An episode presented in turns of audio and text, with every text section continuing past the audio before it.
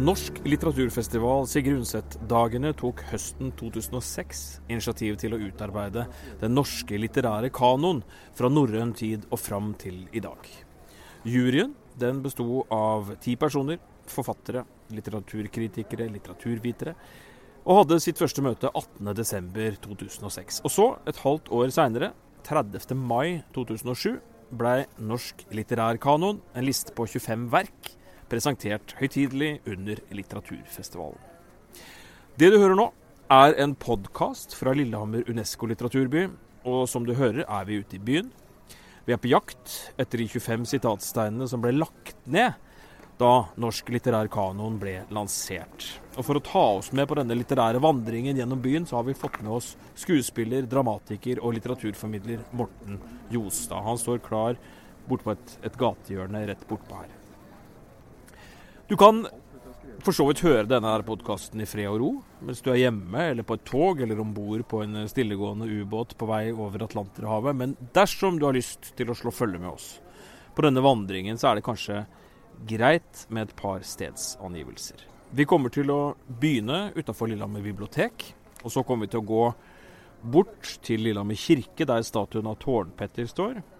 Deretter går vi opp bakken, et kvartal oppover til krysset mellom Langesgate og Storgata. Og deretter flytter vi oss ned til porten inn til Hamartun skole, altså den som ligger vis-à-vis Kulturhuset Bank. Ok, det ble kanskje litt mye geografi. Nå skal vi bort og møte Morten. Nå står vi foran Lillehammer eh, bibliotek og litteraturhus. Vi befinner oss Kirkegata på Lillehammer. Og vi står ved utgangspunktet for uh, den ganske omfattende løypa med sitatsteiner, sitater henta fra norsk litteraturhistorie, som man kan finne i gatene i denne byen. Det første sitatet, det skal vi helt tilbake i starten av litteraturhistorien vår for å finne. Og hva er det vi har med å gjøre her, Morten Jostad? Ja, det er den eldste teksten vi har. På norsk, eller rettere sagt på norrøn. Skrevet ned på Island på 1200-tallet. Vålhus på. Hva spør du meg om? Og um, jeg synes at det er, en, det er, en, god ansats til en vandring. Hva spør du meg om? Underliggende De som har lagt ut dette her, har kanskje tenkt at, uh, at underteksten er Det er ikke sikkert du får noe svar, men bare spør. Dette tar jeg litt på husken, men det er da Volven, ikke sant? Som er en sånn type heks eller trollkjerring eller eh, spåkone. Som man da oppsøker for å få et slags orakel, kanskje? Som ja. man da oppsøker ja. for å få ja. For å få vite essensielle ting. Hva spør du meg om? spør da Volven tilbake. Og det er også passende at dette ligger ved inngangen til biblioteket. Absolutt. Det er eh, vår bokskatt som eh, begynte på Island. Og eh, vi kaller det norsk, eh, og det er det jo. Men, men, men eh, det er jo norrønt og felles, eh, felles islandsk-norsk kultur. Og de islendingene har med rette grunn til å være stolte av at de har skrevet det ned og tatt vare på det. Og, og der begynner vår litteratur, hvis man kan definere et begynnerpunkt for norsk og norrøn litteratur i det hele tatt. Og så er det dobbelt passende dette med biblioteket, nettopp for det er jo et sted man man går for å oppsøke informasjon, for å få vite. ikke sant? Ja, Bibliotekarene her inne de spør jo da tilbake. Ja, hva, hva spør du meg om? Ja, ja, ja. ja, ja. Det er ikke sikkert man får svar bestandig her heller, men, men man får, får uh, så gode svar som det lar seg gjøre. Og så er det jo litt opp til den enkelte å lete i hyller og, og finne svar på egen hånd, eller på nett, eller hvor du vil. Og um, det er uh, to tekster i denne vandringen som er på norrønt. dette her med så gammel litteratur Nå er vi ja, vi er tilbake til 1200-tallet, sa du, men, men liksom kildene her de er jo enda lenger bakover i tid, og vi er jo inne i et slags eh, tidens mørke her på et vis. I hvert fall her oppe i, i Nord-Europa. Lenger sør så vet vi at det fins 3000 eh, år gamle tekster som fortsatt uh, leses og refereres til. Men er dette her sånn type stoff som, som kultursjefer pynter seg med i taler, eller, eller er det dokumenter som fortsatt er relevante for folk, hvis vi skal være helt ærlige? Jeg syns at det er eh, helt relevant for å forstå eh, vår, eh, vår egen kultur. Og da syns jeg den replikken som ligger her, er svært relevant. Og det er fascinerende å tenke på at alt dette, altså islendingssagaene, Njålsaga og alle de andre berømte, det kaller vi islendingssagaer. Mens dette har vi definert som også en del av norsk litteratur, men at alt sammen har levd muntlig før det ble skrevet ned. Eh, og det er eh, dypt fascinerende. Men det er ikke noe annerledes for eh, Bibelen og Den hellige skrift. Og eh, ordet kanon er jo dannet ut fra Det betyr rettesnor. Eh, og vi skal gå i en rettesnor. Og det er jo eh, forbundet først og fremst med utvalget av de bibelske tekstene, Det gamle og Det nye testamentet, som, som kalles kanon. da. Dette er et annet forsøk på å lage en kanon. Og Det betyr også at utvalget og rekkefølgen er lagt opp på en sånn måte at man skal lede folk inn på en vei, en viss vei, og gi dem retning. Ja, det er jeg ikke så helt sikker på om jeg er enig i. Det er lagt så merkelig rundt omkring i hele byen. Ja, men Hvis man tenker på kanon, altså sånn som Bibelen f.eks., det er jo lagt opp på en måte som skal lede folk gjennom teksten ikke sant? Ja. til en slags ja. konklusjon. Ja, og Når man bruker også begrepet kanon i andre sammenhenger, så er det jo for å gi folk en slags uh, bedre forståelse av hvor vi er i dag. Altså, det, det, er en rett linje bakover. Den kaller vi kanoen. Jo, men dette kan vi diskutere underveis. Eh, det kan vel hende at det mangler noen steiner. Og det kan vel hende at uh, utvalget ble avsluttet før en del uh, merkesteiner eller litterære verker fra de senere årene ikke ble med. Nå står vi i krysset mellom Langes gate og Kirkegata. Vi har Søndre Park på skrå der, og så har vi Lillehammer kirke der nede. Og nå er vi vel egentlig ved kjernen i byen, altså det som var utgangspunktet for Lillehammer, den tidligste bebyggelsen. Vi er i hjertet av byen nå, på et vis. Ja, det er eh, jo helt riktig, for her lå Lillehammer gamle kirke, som eh, var en annekskirke under Fåberg. For det var Fåberg og Fåberg kirke som var sentrum. Men det var en gammel trekirke som ble revet da denne ble reist på 1880-tallet. Men her var, og her var det første markedet og, og sentrum i byen. Og så har vi Tårnpetter, som fortsatt står der med hendene foldet foran seg i filler. Ja, Tårnpetter eh, er eh, med oss den dag i dag. Og så har vi en annen Petter som eh, ligger her. Hvem er det? Det er en nordlending med utdannelse fra Bergen latinskole og og Københavns universitet, Petter Dass. Og eh, han eh, er jo en barokkdikter som eh, hvis eh, fødeår er eh, eh, Nå må jeg slå opp. 1647, ja. Og han levde til 1707. Og selvfølgelig skal han være med. Jeg har en mistanke om at de har lagt ham her med, med blikket mot kirken fordi at de har hørt om at han var prest. Og det får man virkelig si at han var. Men er det en grei plassering? Syns du han skulle vært et annet sted? Da, ja, det er greit. Ja, du går på det? Ja da, da, Ja, ja, ja. Og han hadde nok stemme, så han kunne, så han kunne la seg høre også i et uh, kryss som dette her er her. Og han eh, er plassert her med et eh, meget presist sitat. Vær hilset i Nordlands bebyggende menn. Og eh, verket er da selvfølgelig Nordlands trompet, som er eh, hans eh, mest kjente. Og som svært mange nordpå kan store deler av, av utenat den dag i dag. Eh, og det er jo eh, et enestående verk som beskriver Nordlands natur, eh, kulturliv. Eh, så det er jo et topografisk verk, samtidig som det er et gigantisk idédikt. Han fikk det aldri på trykk i sin samtid. Eh, det gjaldt i grunnen alle hans verker. Bortsett fra Den norske dalevise på 30 sider. Det var det eneste vi kjenner til at han fikk på trykk eh, gjennom hele sin karriere. Et idédikt, hva er det? Ja, eh, et idédikt som dette er jo Dette er jo ikke sanglig.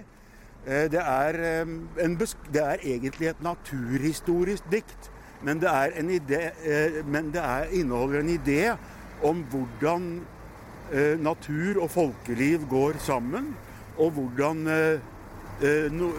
naturen nordpå, altså da vi snakker jo om Helgelandskysten, har preget menneskene. Og hvordan menneskene som bor der, er preget av årstidsveksling og, og mørketid og den lyse sommerstid. Og dette beskriver han aldeles fabelaktig godt, og står inne for at dette har preget oss. Og her er vi da på et tidspunkt i, i historien, kulturhistorien, hvor, hvor, vi begynner å katalogisere, registrere, beskrive, ikke sant. Tar jeg feil hvis jeg sier at Carl von Linné er vel sånn Kanskje ikke akkurat samtidig, men vi er litt på det, i det samme landskapet. i hvert fall. Ja, ja, ja. ja. Og den eh, neste i øh, den Eh, kanoniske rekken er jo Ludvig Holberg, som var vitenskapsmann og, og hadde sitt virke ved, ved universitetet i, i, i, København. Men det som vi må huske på, er jo at, at Petter Dass først og fremst var sanger. Og vi kaller ham jo vår store salmedikter. Jeg tror ikke han selv eh, mente at han hadde skrevet en eneste salme. Men ved siden av eh, eh, Nordlands trompet så er det andre hovedverket det som heter Katekismesangene. Og det er fantastisk. Og er altså eh, et stort verk hvor eh, teologen, presten Petter Dass, setter om Luthers katekisme til vers for at den skal synges inn i folket. Han brukte alltid foreliggende populære melodier, altså eh, populære hits i samtiden. Og eh, vår nasjonalsalme, som står som nummer én i salmeboken vår, 'Herregud, ditt dyre navn og ære', er forklaringen etter Luthers modell til den første bønn i Fader vår. Altså bønnen 'Herre Gud, du som er i himmelen. Helliget vorde ditt navn. Nei, det er de siste ordene. Helliget vorde navn, ditt navn, som er inspirasjonen til Herre Gud, et dyre navn og ære. Over verden høyt i savn må være og alle sjele og alle trele og hver geselle, de skal fortelle Guds ære. Det er pedagogikk, dette her, altså, rett og slett. Ja, ja, ja. Bruke hits for ja, ja, ja. å få folk til å skjønne det, det presten prater om. Det er Luther. Det, det er barokkens måte å, å, forstå tiden på. Og alt er eh, ortodoksi. Altså, han var både barokkdikter og grunnleggende ortodoks. Det er ortodok eh, den ortodokse teologiens høydepunkt som manifesterer seg hos Petter Dass. Han er en slags kommunikasjonsrådgiver i sin tid, han er på et vis? Han gjorde jobben sin. Som prest. Men det litterære her, verdien av det, er, står det seg liksom? Altså oh, så lenge etterpå? Om det står seg! det er jo ikke noe annet fra den tiden som blir husket. Og eh, han er jo, også er han jo så morsom. Og, så er han så frekk.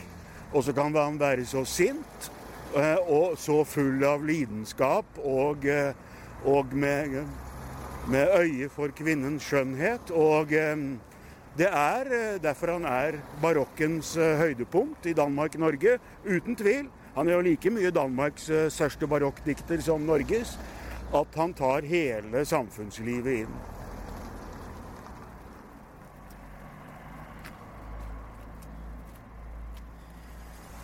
Nå befinner vi oss utafor eh, Visegården, der byens grunnlegger, bergenseren Ludvig Wiese, holdt til. Og vi har kommet til en annen bergenser, Ja. som også hadde en viss eh, kobling til Gudbrandsdalen. Ludvig Håberg. Du, Hva kan du si om han helt kort? Eh, han var jo eh, født i Bergen, som du sier, og levde nesten hele sitt liv i København. Og vi har eh, eh, kranglet, eh, eller med gemyttlig eh, ordbruk, eh, mellom Danmark og Norge om han var norsk eller dansk. For det, er, det gir kanskje ikke så stor mening å snakke om han som verken norsk eller dansk. Nei, det er ikke, det er ikke interessant. Han, han, eh, jo, det er interessant, for det, men, men eh, ikke som en kampsak. Eh, han eh, var akademiker og universitetslærer og hadde en helt sentral plass ved universitetet. Og universitetet lå et eneste sted, og det lå i København. Mange år før Norge fikk noe tilsvarende. Så det var klart at det var dit han ville. Dessuten var han en, eh, eh, en eh, einstøing på mange, mange måter. Lars Joar Langslett kalte sin fine biografi om ham 'Den ensomme'. Han ble aldri gift og fikk aldri barn. Og viet seg til det akademiske liv og til teatret. Selv om teatret var en bigeskjeft, eh, og det eksploderte eh, i år eh, 1722-23 eh, da det plutselig var behov for å lage dramatikk på dansk vis, eller norsk vis, altså på hjemspråket.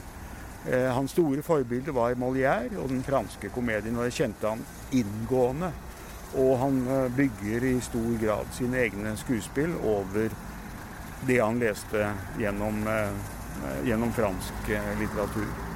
Og dette sitatet som da ligger i, i krysset Langes gate, Storgata, der folk kjører opp og ned rundt oss akkurat nå. Det er fra, det er fra Erasmus Montanus, som igjen da er ikke sant, en, et stykke som handler om Det er en form for latterliggjøring av akademikere, eller, eh, Ja, ja, ja. eller spørsmål rundt hva kunnskap egentlig er, eller hva, Ja, ja, ja, hva intelligens er, egentlig. Ja, ja, ja, ja. Og det er sikkert også lagt her fordi at vi har eh, eh, Lillehammer gamle latinskole i ryggen da. Og, og, og um, sitatet er eh, en meget lærd mann, men også en stor tosse. Altså en stor tosk. Det er det samme ordet. Og, og Så det å være lærd og det å være klok, det er ikke det samme. Nei, det var godt sagt. Nei, det behøver i hvert fall ikke å være det samme. Og, og, og, eh, og det analyserer han jo i Erasmus Montanus, som, eh, eh, som er berømt for den scenen hvor Erasmus kommer jo hjem fra universitetet i København til sine foreldre på bondelandet et sted på, på, på, på Sjælland. Og da imponerer han alle med sine lærde kunnskaper. Selv deinen, altså klokkeren, må bare krype til korset, for han kan ikke så mye. Og berømt er jo disse ordene i dialogen mellom hans mor Nille og ham selv, da. Denne studenten Rasmus Montanus, hvor han skal bevise at mor Nille er en sten. En sten, sier mor Nille da. Ja, en sten kan ikke flyve. Nei, en sten kan ikke flyve, sier mor Nille. Mor Nille kan heller ikke flyve. Nei, jeg kan ikke flyve. Ergo er mor Nille en sten. Ikke sant? Og det er jo fryktelig morsomt. Og dette, eh, dette går jo igjen i, i hele stykket alle steder, da. Eh, problemet er at han eh, har, han har eh, blitt forført av den nye vitenskap. Eh, han eh, er kjent med at jorden er rund. Men langt ute på eh, bygden i eh, Sjælland så godtar de ikke det. Danmark er flatt. Det kan alle se. Og det er like flatt i dag som det var den gangen da Holberg bodde der. og det blir konflikten i stykket.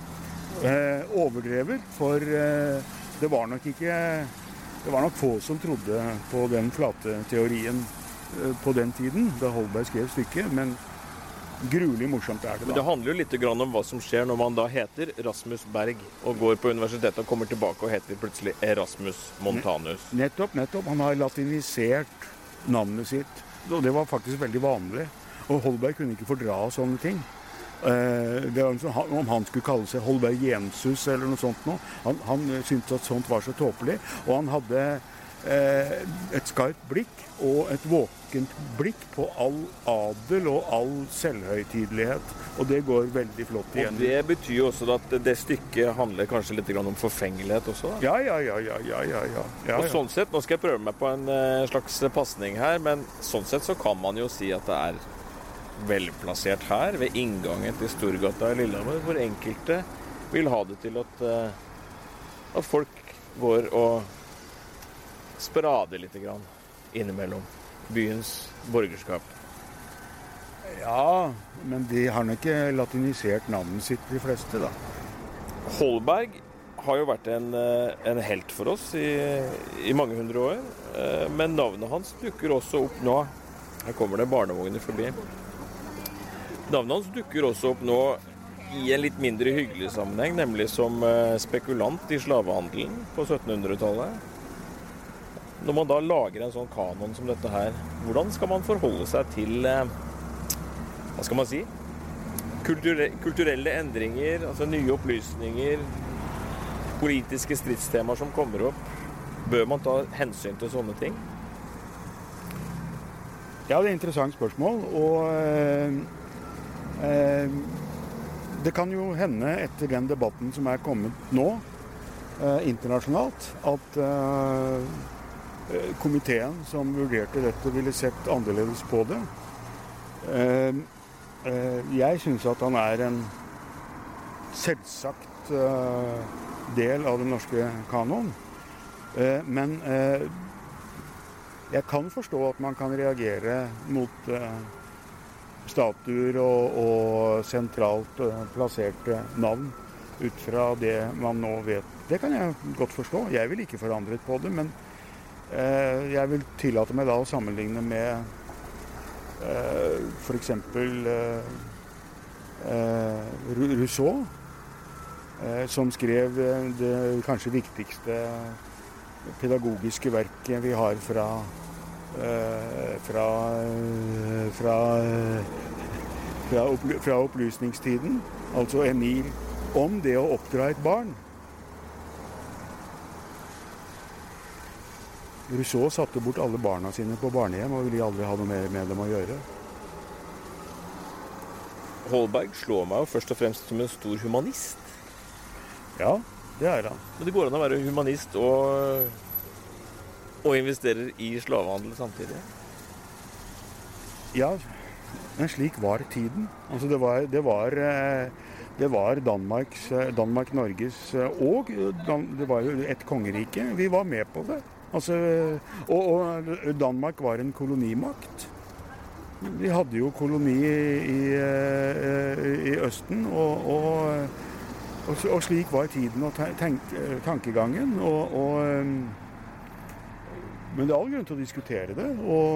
Men det, apropos når vi vender blikket bak oss opp mot uh, Lillehammer videregående skole, som vi begge har trådt våre føtter på, så er jo det et tema å diskutere. Det er jo, det er jo spennende å diskutere det. Kanskje han var en lærd mann, men også en stor tosse. Så det at steinen ligger der, det er en invitasjon til å ha den samtalen. Ja, Men det å fjerne steinen, det gjør ikke at man fjerner problemet. Nei! Godt sagt. Da går vi videre. Hvor er vi nå, Morten? Nå er vi kommet til eh, Asbjørnsen og Mo. Eh, og eh, Asbjørnsen og Mo, våre to eh, eventyrkonger, de delte vel riket mellom seg, er anlagt her rett utenfor Hammartun skole. Og da ganske sikkert ut fra den ideen at eventyr er jo noe for barn. Hva er sitatet? Solen brøt igjennom skodden og lyste over et deilig land. Ja, det er jo vakkert. Eh, det som er litt problematisk, er at eh, dette i utgangspunktet ikke er fra Asbjørnsen og Moe. Men det er fra Asbjørnsens eh, huldreeventyr, som han utga i eget navn. De hadde hvert sitt forfatterskap, de to. Jevngamle var de. Asbjørnsen født i 1812 og Jørgen Moe i 1813.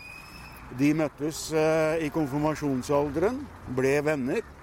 Eh, lovte hverandre vennskap livet ut. Tok opp tollekniven, skar seg i tommeltotten, begge to, og blandet blod. Og vennskapet holdt livet ut. Så eh, det er ikke noen eh, dårlig historie, det. Men de hadde også hvert sitt forfatterskap. Jørgen Moe var eh, lyriker og skrev eh, eh, også en, en, av våre tidligste barnebøker. Asbjørnsen var jo vitenskapsmann, forstmann. Og skrev kokebok bl.a. Og, og en rekke vitenskapelige artikler. De var svært forskjellige. Presten, biskopen Jørgen Moe og zoologen eh, Asbjørnsen. Asbjørnsen var en av de første som introduserte Charles eh, Darwin i Norge. Eh, men de utfylte hverandre på en helt fantastisk måte. Stilistisk og ja, på alle måter. Dette, den, dette sitatet er fra et nordlandseventyr som Asbjørnsen nedtegner. Så det er i og for seg spennende å ha med. Men jeg synes at det er litt på siden av saken.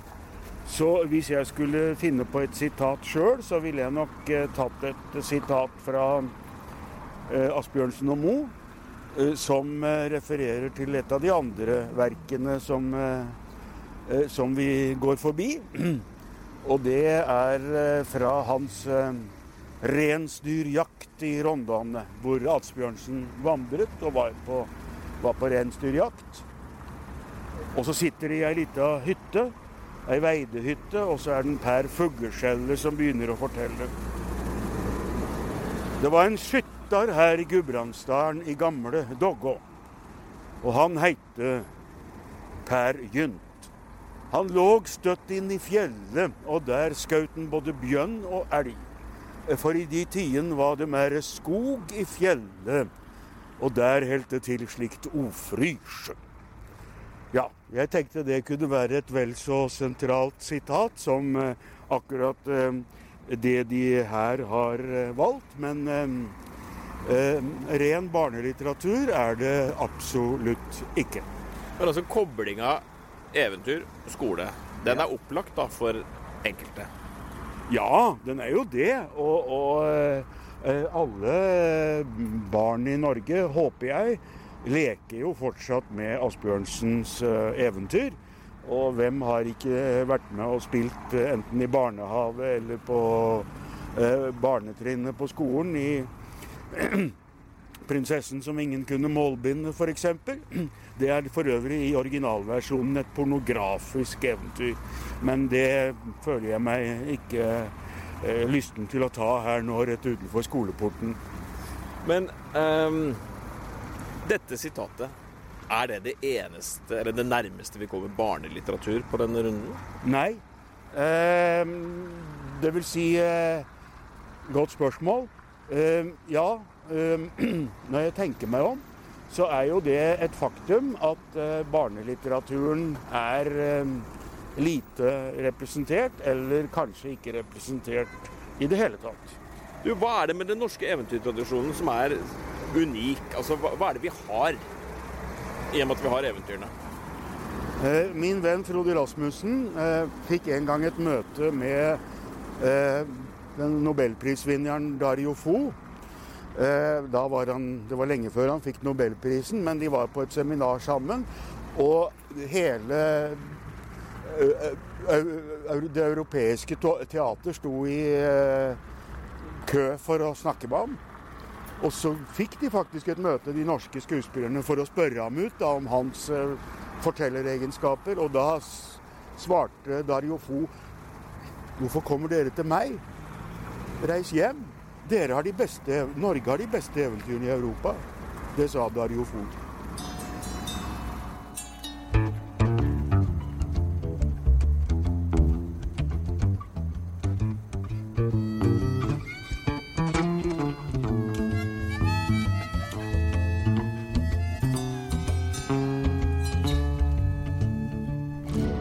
Du har hørt en podkast fra Lillehammer Unesco litteraturby om norsk litterær kanon, en litterær vandring gjennom bygatene på Lillehammer. Vi hadde med oss som guide Morten Jostad. Mitt navn er Olav Prostrup Müller, og vi takker for at du var med.